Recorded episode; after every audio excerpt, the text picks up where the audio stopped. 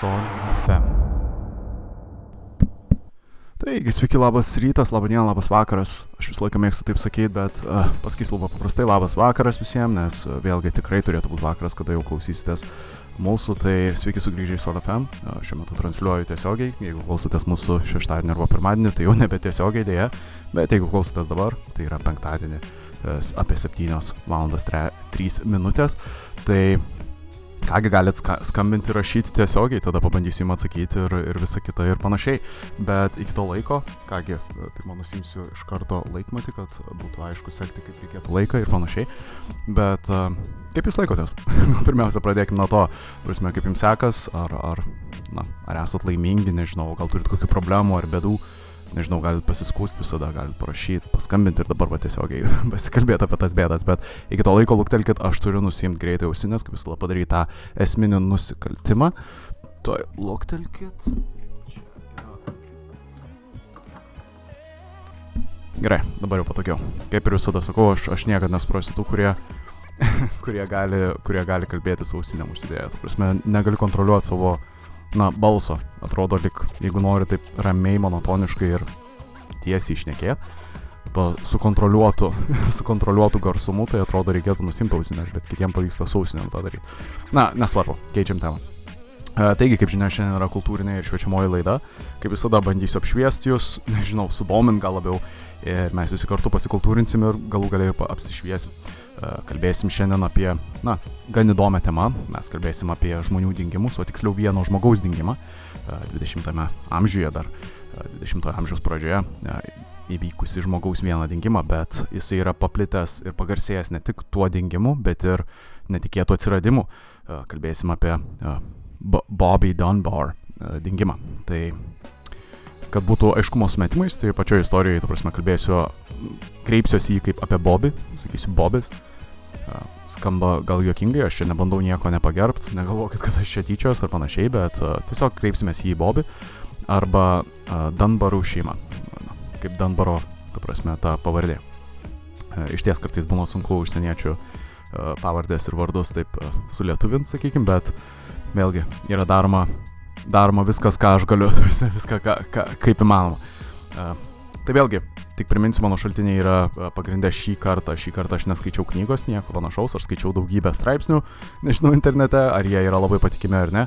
Jūsų, jūsų teisė spręsti, bet uh, realiai viskas, ką aš papasakosiu šiandien yra, na, sakyčiau, kad tiesa, ta istorija yra ganėtinai žinoma. Uh, galbūt jums nėra žinoma ir tikiuosi, kad nėra žinoma, nes galėsiu taip sudominti jūs. Uh, ir vienaip ar kitaip, na, kaip ir minėjau, istorija bus paremta tikėtina realiais faktais ir realia istorija, nes vėlgi ją gali paliudyti ir, ir tenais dalyvavę asmenys, ir, ir tam tikri pirminiai šaltiniai, ir, ir žiniasklaida ir panašiai. Bet esmė yra galbūt ne, ne šaltiniai, o ta, kad aš neprisikalbėčiau nesąmonių. Tai negalvokit, kad aš bandysiu čia skleisti dezinformaciją ar kažką panašaus. Ne, ne, galbūt retkarčiais galėsiu suklysti dėl viso pikto, tai tiesiog informuoju, galbūt kokią datą neteisingai pasakysiu, gal kokią pavardę suklysiu ir panašiai. Visur, visur galiu pridaryti klaidų, esu žmogus, žinokit, tai nepykit, tai iš anksto, iš anksto atsiprašau ir iš anksto įspėju, kad istorija nors ir yra patikima taip, kaip aš ją, na, sakykime, prisimenu, bet jinai jokių būdų nėra mano siekiama kaip nors iškraipyti ir panašiai. Bandau sudominti, tai yra galų gale šviečiamoji, sakykime, ta laida ir kultūrinė, aš bandau tą padaryti, pasiekti to tikslo ir tikiuosi niekaip nesuta, nesuteršiu šio tikslo ir nesuteršiu pačios radijos stoties, kad ir kokią jinai turėtų reputaciją. Tai vėlgi, nežinau, galim jau kaip ir po truputį uh, pradėti. Ir net nežinau, žmonės, kaip jūs jaučiatės apie tuos dingimus visus, tu prasme, ką, kokie jūs žinau, kad gan keistas klausimas, bet reikia iš pat pradžių paklausti, kokios jūs esat nuomonės. Ta prasme, ar tai yra dažnas Galbūt ar tai yra dažnas reiškinys jūsų nuomonė, tarpsime, žmonių dingimai. Tiesiog pradingsta žmogus iš na, visuomenės. Ir žinoma, jeigu jūs sekat žiniasklaidą, sekat naujienas, kars nuo karto randat galbūt vieną kitą naujieną, kokį nors paskelbimą iš pareigūnų, sakykime, iš, iš, iš įvairių įstaigų apie kokį nors dingusią asmenį. Na, čia ga, gan net ir dažnas, gal sakyčiau, dažna naujiena, kars nuo karto. Da, dažniausiai, ką mes pastebim, tai kad vyresnio amžiaus, sakykime, žmonės, kartais ir seniorai, jau, jau žymiai vyresnio amžiaus, žmonės paprasčiausiai dinksta. Savame suprantama, galima pateisinti tokį, na, reiškinį realiai. Tiesiog senas asmo, kur nors išvyko, jam galėjo kažkas atsitikti su sveikata ir panašiai jisai pranyko. Bet šiaip kaip jūs manot, statistiškai išnekant, ar žmonės dažnai dinksta? Ir ar jie dinksta dėl to, kad jie būna pagrobiami, ar jie dinksta dėl to, ta prasme, kokia yra šiaip statistika. Ir neslėpsiu, aš jums pasakysiu iš karto atsakymą, jūs čia tikiuosi, kad iškėlė šitą klausimą savo galvoj, bet atsakymas yra labai paprastas, žmonės dažnai dinksta, labai dažnai. Ir daugybė žmonių dinksta, žinokit. Tiek jaunų, tiek senų, tiek iš vis vaikų, sakykime. Ir jie dinksta dėl įvairiausių priežasčių - pagrobimai, netikėtos mirtis, kitokie nelaimingi atsitikimai, paprasčiausi pabėgimai iš namų, kaip pavyzdys. Na, suskirstant į amžiaus grupės, dažniausiai mes galime ir nustatyti tą tokią kaip ir prezumuot, prezumuot, kas atsitiko tam žmogui. Jeigu jisai buvo vyresnio amžiaus ir jisai dingo, tai tikėtina, kad kažkas buvo jam su sveikata ir, na, su sveikata sustreikavo, sakykime, ne, nelemtoj vietoj, kurioje neišeina žmogaus rast. Na, kaip pavyzdys, gal kur nors žmogus senyvas maudėsi ir panašiai kažkas jam atsitiko. Ir jeigu buvo vėlyvus vakaras, niekas jo nepastebėjo ir paprasčiausiai taip žmogus dinksta ir jį tik vėliau suranda. Na, kitas atvejis gali būti, jeigu tu esi paauglys, tai vėlgi visos tos hormonų audros, paaugliai pabėga tiesiog iš namų, bet jie ir dažnai atsiranda. Tuo tarpu viena iš sunkiausių galbūt grupių dingimų yra vaikai. Kaip žinia, jeigu vaikas dingsta, tai prezumuotina, kad jis nesiekia pabėgti iš namų, o prezumuotina, kad kažkas blogo atsitiko tam vaikui. Ir tikėtina, kad jį arba pagrobė, arba, na, kažką jam blogo padarė. Ta prasme, taip sakykime. Nežinau net kaip tą gražiai pateikti, bet vėlgi, čia tiem, kas yra silpnesnių nervų, iš karto įspėju, šiaip laidoj bus pasakojama galbūt gan jautrios temos. Nežinau, šiaip turėčiau siekti kuo daugiau klausytojų sudominti ir kuo daugiau klausytojų, kad prisijungtų, bet matot, šiuo atveju gal darykim tokią išimtį, kad jeigu jūs esat klausytojas, kuris, na, mėgsta tik gražias istorijas ir panašiai, su laiminga pabaiga ir ten panašiai ir panašiai, tai siūlyčiau iš karto atsijungti. Tu prasme, neslėpsiu, tiesiog tiesiai šviesiai pasakysiu, kad jeigu jūs klausotės tikėdamėsi, na, kokios nors laimingos istorijos apie gražius įvykius ir panašiai, ne. Mes kalbėsim apie, na, vieno žmogaus dingimą ir kito žmogaus atsiradimą, taip ūkiškai ir labai paprastai pasakius. Ir ta istorija neturi gražių, gražių detalių, gal taip sakykime. Tai taip. Um, taigi, kaip ir pradėkim, jau uždaviau jums klausimą, tikiuosi jis užsiliko galvoje apie tos dingimus. E, ir kartu ir atsakiau realiai tą klausimą, žmonių daug dingsta, daug. Ir daug dingsta iš įvairiausių grupių. E, skirtumas yra tarptų grupių, tai yra dėl ko jie dingsta. Tai kaip ir minėjau, kaip pavyzdys, kaip paauglys dingsta, tai tikėtina dėl to, kad jisai susipyko su šeima arba, e, žinot, visos tos hormonų audros, tiesiog paauglys pabėga ir jisai po kiek laiko grįžta. Jeigu vyresnio amžiaus, tikėtina dėl sveikatos. Jeigu vaikas, tikėtina dėl blogų dalykų, dėl blogų reiškinių. Jeigu vidutinio amžiaus, sakykime, dirbantis asmo dingo, tai vėlgi gali būti psichologinės problemos. Čia, čia aš ką kalbu, tai yra tiesiog statistiniai, tokie, tokios statistinės prezumcijos. Jokių būdų tai nereiškia, kad taip ir yra. Prasme, žmonės visų amžiaus grupių gali dingti dėl bet kokios priežasties, bet dažniausiai dėl ko jie dingsta yra būtent, na, statistiškai vėlgi išnekant, būtent dėl to. Taigi šiandien kalbėsim, kaip ir minėjau, apie Bobby Dunbar dingimo istoriją. Tai jį vadinsim Bobiu. E, jisai buvo mažas vaikas, gimęs 1908 metais ir dingęs 1912 metais. Tai kaip žinia, didžioji dalis šioje radio stotyje pasakojimo istorijų nėra visiškai šviežios istorijos, jos yra na, apie senovę pasakojančios daug, daugiau istorijos. Čia ne, nėra jau tokia labai tolima senovė, sakykime, praėjo tik tais kas šiek tiek daugiau nei šimtas metų. Tai, tai nėra labai tokia tolima senovė, bet aš ką dažnai pabrėžiu, tai kad, nežinau ar pastebėjot, bet kai mes kalbam apie žmonės, kurie buvo vos, sakykime, prieš šimtą metų, mes vis tiek matom, kad jie buvo šiek tiek kitokie. Aš nežinau, ar jūs tą pastebėjot, ar, ar gal čia tik aš taip darau, bet ar jūs nemanot, kad tie žmonės buvo šiek tiek kitokie? Jie kitaip šiek tiek nežinau, elgės galbūt kitaip, kitokiom temom šnekėjo, aš, aš net nemoku kitaip to paaiškinti, bet įsivaizduokit, jeigu jūs sugražintų, sugražintų, tarkim, šimtą metų atgal ir jūs su savo bendramžiais prisėstumėt pasišnekėti bet kokią temą apie gyvenimą, nekalbu apie ten kokį darbą ar, ar apie kažką panašaus, aš turiu menį, jeigu jūs susėstumėt su savo bendramžiu, kuris gyveno prieš 120 plus minus metų, jeigu jūs susėstumėt pasišnekėti su to žmogumu, ar, ar labai daug bendrų šnekų rastumėt. Ir, na, sakyčiau ir taip ir ne, bet kartu ir pam, pamatytumėm tokių labai gan keistų gal tendencijų, tie žmonės buvo labai, nežinau, pasišventę galbūt, labai tikintys, aš nesakau, kad tai yra blogai būti religingų, bet e, gal tie žmonės būdavo tokie labiau, aš nenoriu čia kaip nors įžeidinėti ar kažkas panašaus, bet tiesiog būtų įsivaizduoju sudėtinga su tokiais žmonėm kalbėtis. Ir jie iš ties būdavo keisti ir pati sistema buvo keista. Todėl, ką aš noriu pasakyti apskritai šito, šitos istorijos, na, prieš pradedant visą tą istoriją, tai kad supraskite, kad žmonės elgėsi labai kitaip. Ta prasme, etika žmonių buvo visai kitokia. Ir atrodo, praėjo vos tik šimtas metų, bet žmonės iš to metų buvo, na, kitokie. Turit suprastą, balsavimo teisės buvo kitokios, kitokie žmonės, kaip suprantat, pagalyti galėjo tik tais uh, balsuoti kaip pavyzdys, uh, rolės buvo visai kitokios, sakykime, socialiniai luomai ir panašiai, kultūra buvo kitokia. Ir aš tą ir sakau, atrodo, vis vos tik šimtas metų praėjo, bet na, visuomenė labai labai skiriasi, tarsi, kas šimtą metų. Kas bus vėl po šimto metų, aš net, na, net nežinau, bet tikėtina, kad vėl kažkas kitas, galbūt radio stotį arba gal kokiai nors kitokiai radio stotį kalbės, kad kokie buvo mes keisti. Tai čia vis tas toks istorijos keistumas ir panašiai. Na, bet vėlgi, teskim. E, taigi gimęs, gimęs berniukas 1908 metais, Bobas, jisai turėjo šeimą, kuri buvo, na, sakykime, vidutinės klasės. E, vidutinės, sakau, klasės, taip skamba labai, net nemoku paaiškinti taip na, gal nenaudokim tų ekonominių terminų, bet pasakykim paprastai, jisai pasiturinčio šeimoje gimė, e, šeima, kuri turėjo galbūt daugiau galimybių keliauti ir panašiai. E, jie gyveno Louisianos valstijoje, tai yra e, Junktinių Amerikos valstijų pietuose, pietuose esanti valstija.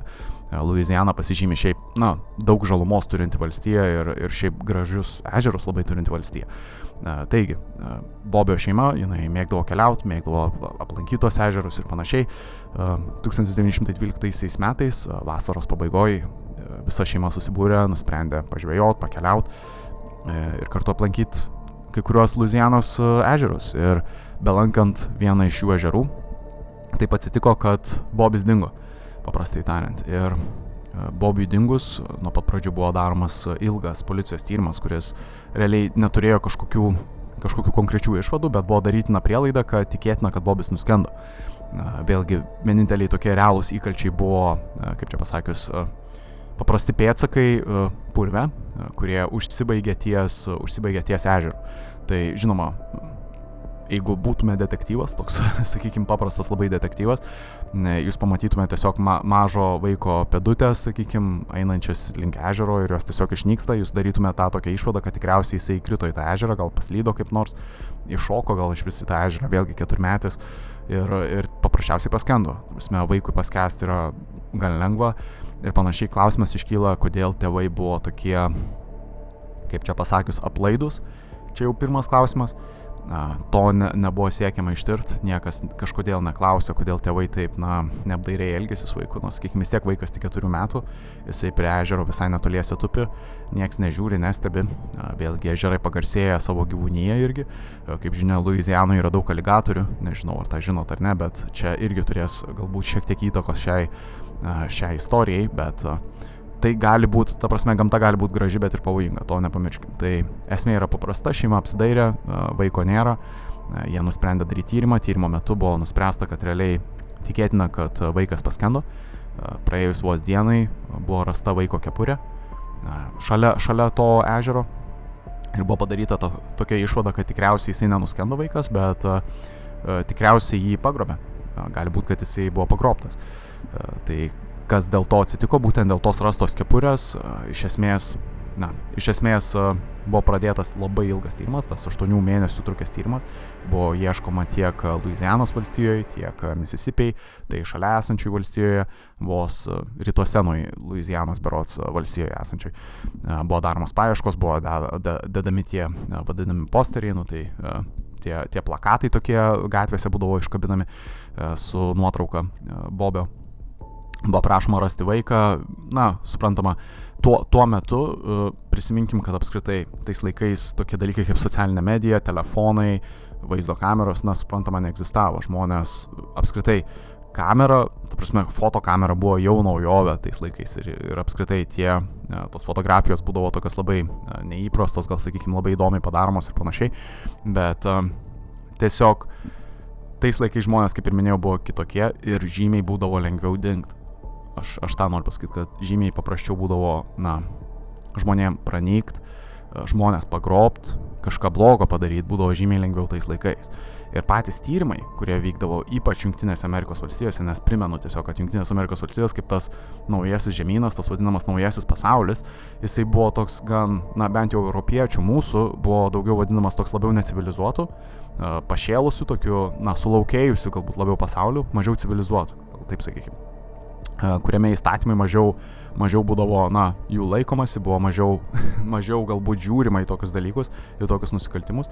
Ir taip iš ties, Junktinėse Amerikos valstijose, na, kolonizavus, ta prasme, patį kraštą ir, ir, ir panašiai, na, jos iš ties buvo išgarsėjusios, ta prasme, patys žemynai Šiaurės ir Pietų Amerikos apskritai buvo išgarsėjusios savo nusikalstamumu, realiai kaip ir Australija, kaip ir Australija, sakykime, buvo, buvo kalėjimo kolonija, taip ir Junktinės Amerikos valstijos, prasme, apskritai Šiaurės ir Pietų Ameri Amerikų e, žemynai, apskritai patys žemynai, jau net ne, ne, net ne valstijos, e, buvo, na, pagarsėję tuo, na, neįgiamai galbūt pagarsėję, kad e, įstatymai buvo lank, lankstesni, gal sakykime, žmonės mažiau dėdavo tų, na, lūkesčių dėl tyrimo sėkmės, paprasčiausiai buvo mažiau tyriama ir buvo siekiama tiesiog kuo greičiau rasti kokį nors, na, atpirkimo ožį ir, ir tiek. Tai vėlgi, Tyrimas tęsiasi 8 mėnesius ir kaip ir minėjau, mes randamės valstijoje ir amžiuje, kuomet, kuomet dingimai ir, ir pranikimai yra labai lengvas ir paprastas dalykas, prasme, labai dažnas reiškinys. Žmogų pagrobtais laikais būdavo lengva, prasme, jam kažką blogo padarytam žmogui dar lengviau turbūt. Nusikalstamumas buvo gan didelis, gan aukštas ir vėlgi toks dalykas buvo gan, gan dažnas reiškinys. Tai bet šį kartą, kaip žinia, kaip žinia, Bobio šeima, visa Danbaro šeima, jie, jie nebuvo tiesiog eiliniai žmonės, jie buvo šiek tiek turtingesni nei eilinis žmogus, jie galėjo investuoti šiek tiek daugiau į tas paieškas, todėl tų plakatų padaugėjo vien tik jau valstijoje ir, ir, ir žiniasklaidoje, ir ta, ta prasme pačių Bobio nuotraukų padaugėjo visur, ypač žiniasklaidoje, kas yra, na, prabangus dalykas, prasme, suprantama žmogus dinksta, jis visur paplinta, jo nuotraukos ir panašiai, reikia susimokėti už tai žiniasklaidai. Ir, ta prasme, visa tai tapo tokia didžiulė sensacija ir istorija. Bobis tapo vos ne kaip, na, savotiškas, na, Bobio dingimas apskritai tapo kaip ir, na, didžiulė sensacija ir didžiulio dėmesio visuomeniai susilaukęs reiškinys. Ta prasme, net ne reiškinys įvykis, aš gal kitaip pasakysiu. Ir savame suprantama, daug žmonių, prasme, pradėjo į tai atkreipdėmėsi ir net savotiškai padėjo policijai, padėjo policijai ieškant Bobio jeigu jisai išties būtų dingęs, nes buvo daroma prielaida, kad jį, e, jisai nežuvo, bet jisai dingo, kad jį pagrobė. E, todėl, kaip ir suprantat, e, interneto nebuvo, nuotraukų lengvai negalėdavai padaryti, todėl policija turėdavo pasikliaut na, liudytojų parodymais. Tai paprasčiausiai gauni skambutį nuovadai, pasako, kad kažkas kažką matė panašaus į Bobį ir tu turi, na, dėti lėšas, investuoti ir sėsti į automobilį, nuvažiuoti ir pasižiūrėti, ar vis dėlto tas vaikas klaidžiojo tam uh, toje vietovėje, apie kurią pranešė ar ne. Iš ties buvo sudėtingas laikotarpis, prasme, negalėdavai niekaip, na, kitaip, kitaip įsitikint galbūt tuo tikrumu, liudimo tikrumu, nes dabar, kaip matot, mes turim daugiau technologijų, mes esam realiai pastoviai sekami, iš vienos pusės tai nėra gerai, kaip mes esam, na, sekami, bet iš kitos pusės, sakyčiau, tai duoda gal ir tam tikrą saugumo jausmą, kai kuriems iš mūsų bent jau. Ir Taip, matau ir pliusų ir minusų, tarsi tarp taip, kaip gyveno mūsų visuomenė prieš šimtą metų ir taip, kaip gyvenam dabar. Bet čia nėra, nėra esmė, čia dabar apie tą filosofiją ir panašiai. E, tai vėlgi, vienu momentu policija gavo žinutę iš Mississipės. E, kai kurie žmonės pastebėjo, kad kažkoks vyras vaikščiojo su kažkokiu vaiku, kuris labai panašus į Bobį. Nes vėlgi, kaip žinia, Bobio plakatai visur iškabinti, žmonės paprasčiausiai pasižiūrė nuotrauką, pamato vaiką panašaus amžiaus, panašaus sudėjimo, panašaus veido į, į dingusi vaiką ir jie iškart skambina policijai. Ja, tai vėlgi policija gavo jau, jau labiau realesnį, galbūt sakykim, pranešimą apie Bobio dingimą, apie Bobį atitinkantį asmenį ja, ir, ir, ir ką jie, jie randa, jie surado vyrą, kuris vaikščiojo su vaiku. Ja, jie, jie paprašė to vyro prisistatyti, kas jisai toks buvo. Ir realiai jie surado vyrą, na, vardu Viljamas, kuris prisistatė, e, prisistatė vaikščiantis su vaiku, kuris buvo ne jo vaikas. Ir matot, jau istorija skamba gan negerai, iš esmės. Ta prasme, policija surado vyrą, kuris vaikščiojo su vaiku, kuris yra ne jo. Tai čia realiai, na, visuomenė iš karto daro tą išvadą, kad, e, kad tu esi pagrobėjęs. Prasme, jau netgi man tai paskelbus, realiai turbūt dauguma jūsų galvoja, kad tas vyras pagrobė tą vaiką, bet ne. Išklausykim, ką vyras papasakos. Tai Kaip ir minėjau, tas vyras yra vardu Viljamas, jisai, jisai pasiskelbė kaip, na, instrumentų, instrumentų koreguotojas, galbūt sakykime, ar, ar kažkas panašaus, jisai, jisai daugiau toksai kaip ir stalius, kuris keliauja po valstijas, jo darbas, na, realiai individuali veikla, kurią jisai vykdo, tai jisai keliauja po šalį ir jisai paprasčiausiai remontuoja įvairius instrumentus. Čia yra jo darbas ir jisai kartu pasiemė vaiką, kurie, kuriam reikia pagalbos jį išlaikant. To vaiko vardas, bent jau Viljamo, Viljamo parodymų, yra Briusas Andersonas. Dabar vėlgi išgirdus žodį Briusas, And žodį sakau, vardą. Briusas Andersonas, jis skamba labai amerikietiškai, gal taip pasakykime, ir labai standartiškai, čia kaip Jonas Jonaitis. Savai mes suprantama, policija klausosi istorijos ir jie negali tom patikėti. Na, jie galvoja, kad Viljamas tiesiog išgalvojo istoriją, jisai pagrobė, pagrobė Bobby Dunbarą Louisianai, dar tada, da, dar prieš aštuonis mėnesius jisai pagrobė tą vaiką ir jisai su juo tiesiog keliauja po, po šalį. E, ir tikėtina blogais tikslais. E, gal jisai parduoda į patį vaiką, kas irgi, kas irgi e, buvo dažnas nusikaltimas, sakykim. Ir net sakyčiau, net čia vėlgi yra daugiau gal samokslo teorija, bet tokie nusikaltimai, ta prasme, su vaikais jie yra ir iki šiol daromi realiai. Bet vėlgi, čia nėra mano šaltiniai ar kažkas panašaus, čia yra tiesiog nuomonė ir vėlgi samokslai ir panašiai, bet nekreipkite dėmesio, čia nukrypom nuo temos. Bet, kaip ir minėjau, Viljamas paprasčiausiai pasakė, kad jisai vaikščioja su vaiku, kuris yra ne jo, jo vaiko vardas yra Briusas Andersonas, vaikas, kaip žinia, yra keturių metų, jisai, jisai mažai šneka, jisai mažai ką ir supranta realiai ir labai mažai reakcijos duoda, nieko už save nekalba. Ir Viljamas, ta prasme tas vyras, kuris buvo sulaikytas vėliau, jisai paprasčiausiai pasako, kad, na, to vaiko mama dirba jo šeimai, tai Viljamo šeimai, jinai dirba įvairiausius darbus, sakykime, ir jinai yra kitoje valstijoje Ja, tiksliau, net ne kitoje valstijoje, nu, atleisk, suklaidinau, jinai dirba toje pačioje, e, tiksliau, Mississipėje, tu prasme, dirba. Ir iš esmės vaiko mama tiesiog jam leido, leido pasimti vaiką, keliauti kartu. Dabar mato, tai skamba mum neįprastai, bet tuo metu kultūra buvo tokia, kad e, jeigu, sakykime, mama pastebėdavo, e, mama, kuri neturi, sakykime, vyro, bet turi, bet turi vaikų, į tokią mamą žiūrėdavo visuomenė blogai ir tos mamos, na, jos dažnai stengdavosi, na, iš esmės sukurti kuo geresnį gyvenimą savo vaikam. Tai ką jos darydavo, jos, na, įsidarbindavo pas, na, įvairiausias šeimas ir panašiai, jos įsidarbindavo su savo vaiku ir jie duodavo savo vaiką, tarkim, na, pakeliaut, kad jisai gautų šiek tiek, na, geresnių, geresnių galbūt kontaktų, geresnių, na, geresnio gyvenimo paragautų, gal taip sakykime, ūkiškai, nes e, supra, suprantama, ta prasme, ta mama nelabai galėjo išlaikyti. Jis buvo išties nepasiturinti ir jinai tiesiog davė, e, davė Viljamui tą vaiką, kad jisai keliautų kartu su Viljamu, e, kol jisai remontavo tuos įvairius instrumentus. Ir, ir ta prasme, Viljamas atitinkamai ir padėjo, padėjo išlaikyti tą vaiką, ta prasme, Briusą Andersoną vardu. Tai policija visiškai nepatikėjo Viljamu, na, jie pagalvojo, kad čia yra tiesiog svetimas vyras, Briusas nešnekėjo apskritai, pats, pats tas vaikas, tas Briusas, kaip ir minėjau, Andersonas, jisai buvo ganėtinai panašus į, į dingusi Bobį. Ką jie nusprendė padaryti, policija iš karto sulaikė Viljamą, jie sulaikė Viljamą ir jį, na, pradėjo, pradėjo bylą dėl pagrobimo, dėl nepilnamečio, dėl, net ne nepilnamečio, dėl mažamečio apskritai pagrobimo, kas yra ganėtinai sunkus nusikaltimas. Uh, jie pradėjo bylą, uh, bylą uh, Viljamo nenaudai, sakykim, tai Viljamas buvo kaltinamasis šioje byloje. Tuo tarpu Viljamas šaukėsi pagalbos realiai iš pačios mamos, to mažo vaiko mamos kurios vardas buvo Julia Anderson, tai jau kaip matot vis dėlto nors yra labai amerikietiškas vardas, bet na, vis dėlto, kaip paaiškėjo, paaiškėjo, tokie žmonės egzistuoja su tokiam pavardėm, tai ta istorija nebuvo melagystė. E, taigi Džiulija atvyksta šiaip netaip į tą, į, į policijos komisariatą, nes, kaip žinia, patys teismai vyko kitoje valstijoje, vyko Louisianoje, tai yra ten, kur ir Bobis prieš tai, prieš tai prieš aštuonis mėnesius dingo. Tai visos tos kelionės išlaidos ir panašiai, kaip žinia, Julia buvo nepasiturinti, jinai nelabai turėjo daug pinigų, todėl jinai nelabai galėjo daug investuoti visą ginčą, apskritai, bet jinai palaikė tą poziciją, kad, na, Viljamas yra nekaltas ir jinai kartu bandė, na, stoti į teismą dėl, na, išsikovojimo teisų į savo vaiką. Jinai ką pati Julia papasakojo, tai jinai pasakė, kad taip jinai davė Briusą Andersoną, tai tą vaiką, tą mažametį vaiką keturių metų, e, ji perdavė tą vaiką Viljamui, kad jisai jį prižiūrėtų, kol jisai keliaus na, su juo kartu. Jinai, jinai nurodė, kad jinai perdavė tik tais keliom dienom, nes, kaip žinia, tas, tos kelionės trukdavo labai trumpai, jos buvo dažnos, bet labai trumpai. Na, kaip pavyzdys, nežinau, tai individuali veikla, tai tas instrumentų re remontininkas, net nežinau, kaip jį kitaip pavadinti, su koordinuotojas gal, žinau, atleiskit, net nežinau iš tikrųjų, ką jisai tiksliai darė, bet jisai tiesiog remontavo tikėtina tuos instrumentus. Tai jisai tą darydavo dažnai, Viljamas, ir, ir, ir tos kelionės trukdavo apie kelias dienas.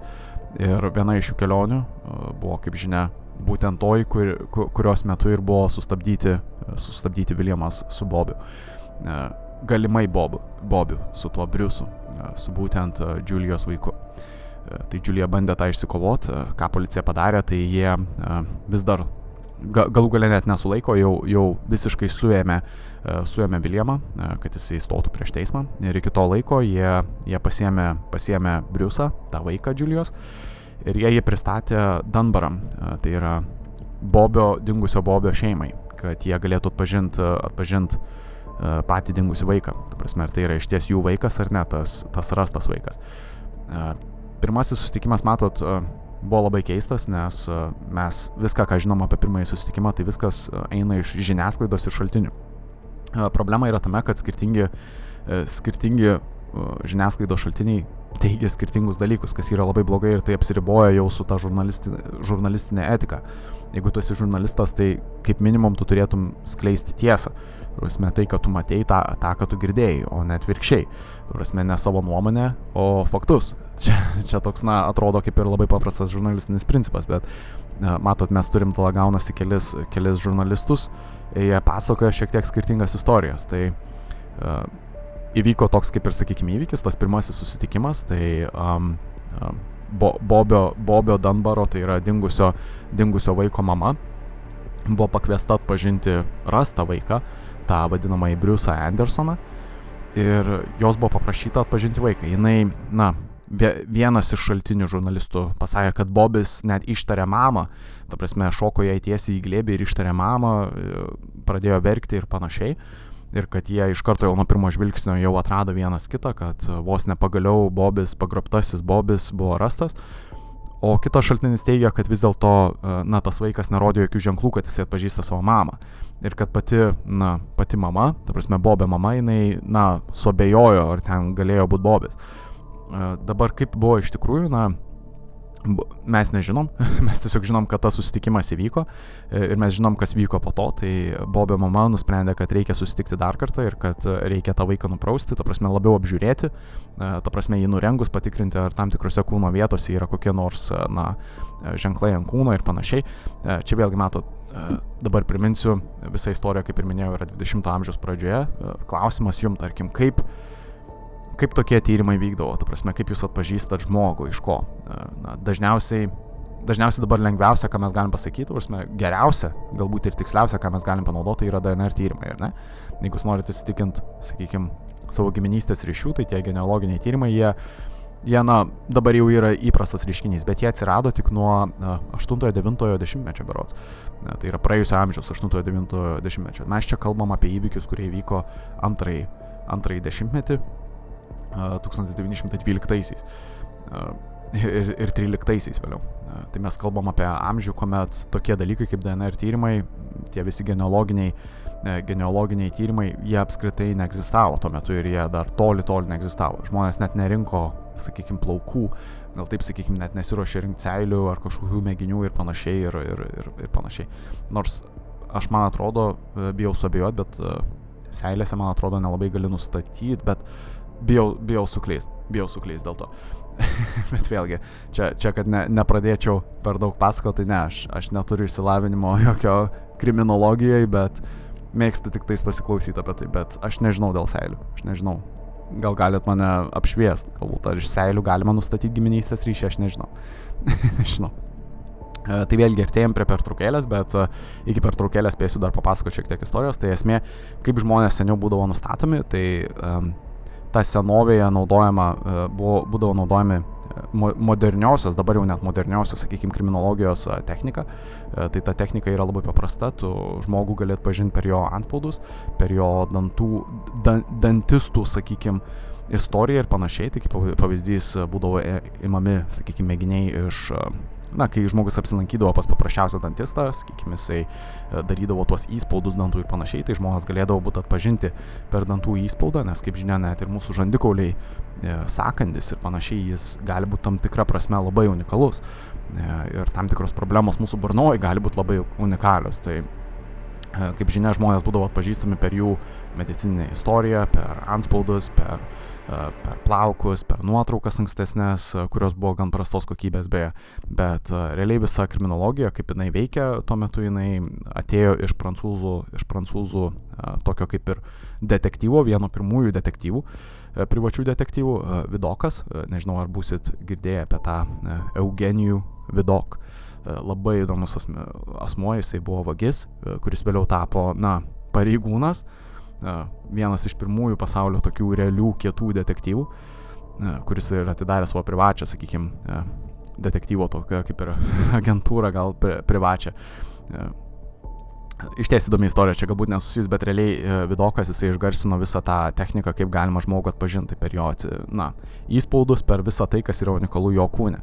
Realiai per randus, per tetiruotės, kaip pavyzdys, per, per apgamus ir panašiai. Tai ką, dary, ką, ką reikėjo daryti tai mamai, kad jinai atpažintų Briusą, jos buvo paprašyta atpažinti per, na, per apgamus, per randus ir, ir taip toliau.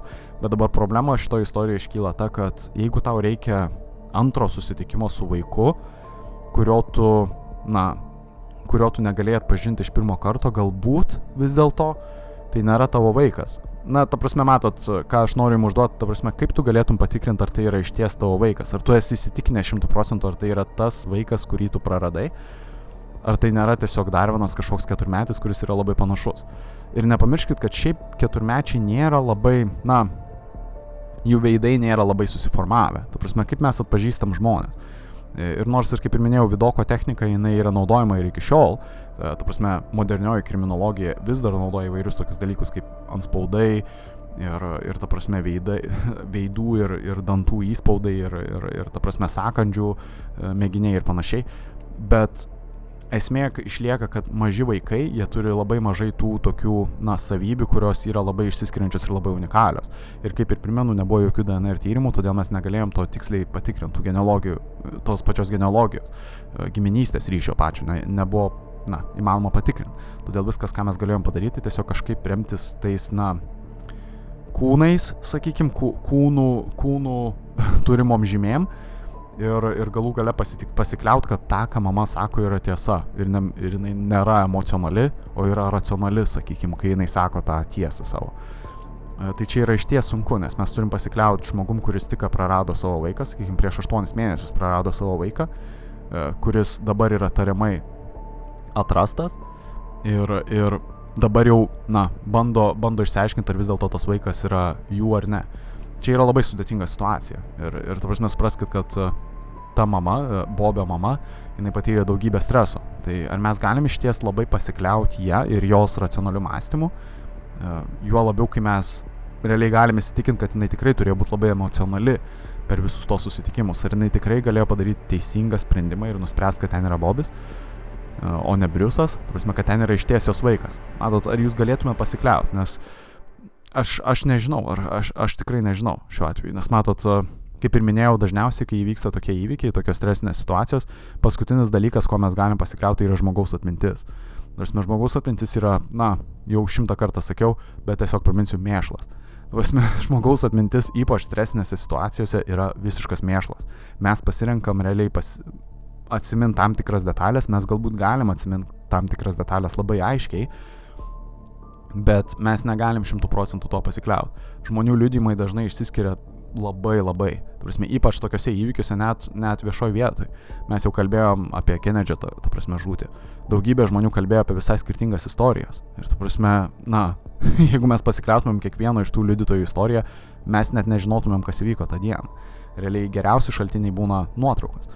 Ir taip, senojo, senoji dingusio Bobio nuotrauka ir naujojo atrasto Bobio nuotraukos na, jos gan panašios. E, ta prasme, tas vaikas atrodo gan panašiai, bet nemanau, kad to užtenka, nes vėlgi, kaip ir minėjau, keturmečiai vaikai, jie dar neturi to susiformavusio, sakykime, subrendusio pakankamai veido, kuris būtų labai išskirtinis. E, ta prasme, galėtum jaučiu daugybę Lietuvoje rasti vaikų, kurie yra, na, keturmečiai, ir jie gan panašus vienas į kitą. Aš nežinau, pasižiūrėkite savo, sakykime, keturmečių nuotraukas, jeigu turit, paprašykit savo mamos, nežinau, ir paprašykit, e, nežinau, kokiu nors draugų galbūt, jų nuotraukų iš, iš vaikystės. Gal net Facebook'e gali atrasti, nes dažnai pastebėjau, kad žmonės nebijo savo privataus gyvenimo rodyti. Tai jie įdeda neretai savo, savo kūdikystės nuotraukų.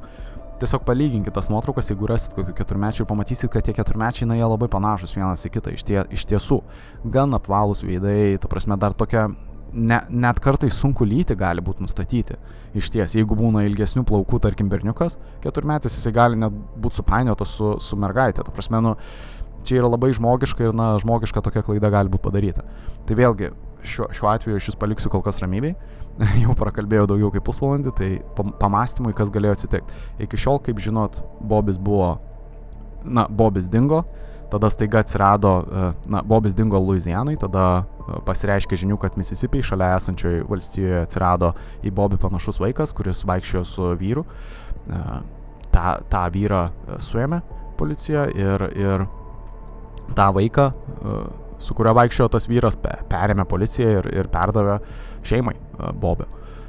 E, dingusio Bobio. E, tai dingusio Bobio šeima, būtent, būtent mama atpažino jį vėliau, po, per antrą susitikimą atpažino jį kaip Bobi. Jis pasakė, kad vis dėlto čia yra Bobis, nes jisai turi tam tikrus randus ir apgamus savo kūne. Ir viskas, e, jį nusprendė perimti, pasakyti, kad pagaliau tas Bobis buvo rastas, o, o tas vyras, kuris buvo su juo, buvo jo pagrobėjęs. O mama, tariama mama, tai yra ta Džiulija, yra melagė, paprasčiausiai šarlatanė. Tai šia, šiam kartui čia bus pirmos dalies pabaiga ir likit prisijungę, nežinau kam domina, čia paleisiu dabar plus minus 20 minučių muzikos, tiem kam įdomu. Pasiklausykim šiek tiek, šiek tiek atsipalaiduokim, užtenka tų, tų, tų galbūt sakykim, gan baisokių, baisokių istorijų šiek tiek. Tikiuosi negazinu per daug, tikiuosi per daug jautrių širdžių nepaliečiu. Bet jeigu domitės toliau, pasilikit su mumis antroji daly, plus minus dar 20 minučių ir susitiksim. O kito laiko, kaip visada, pasiklausykim geros muzikos. Kaip ir iki iki, lauksiu jūsų.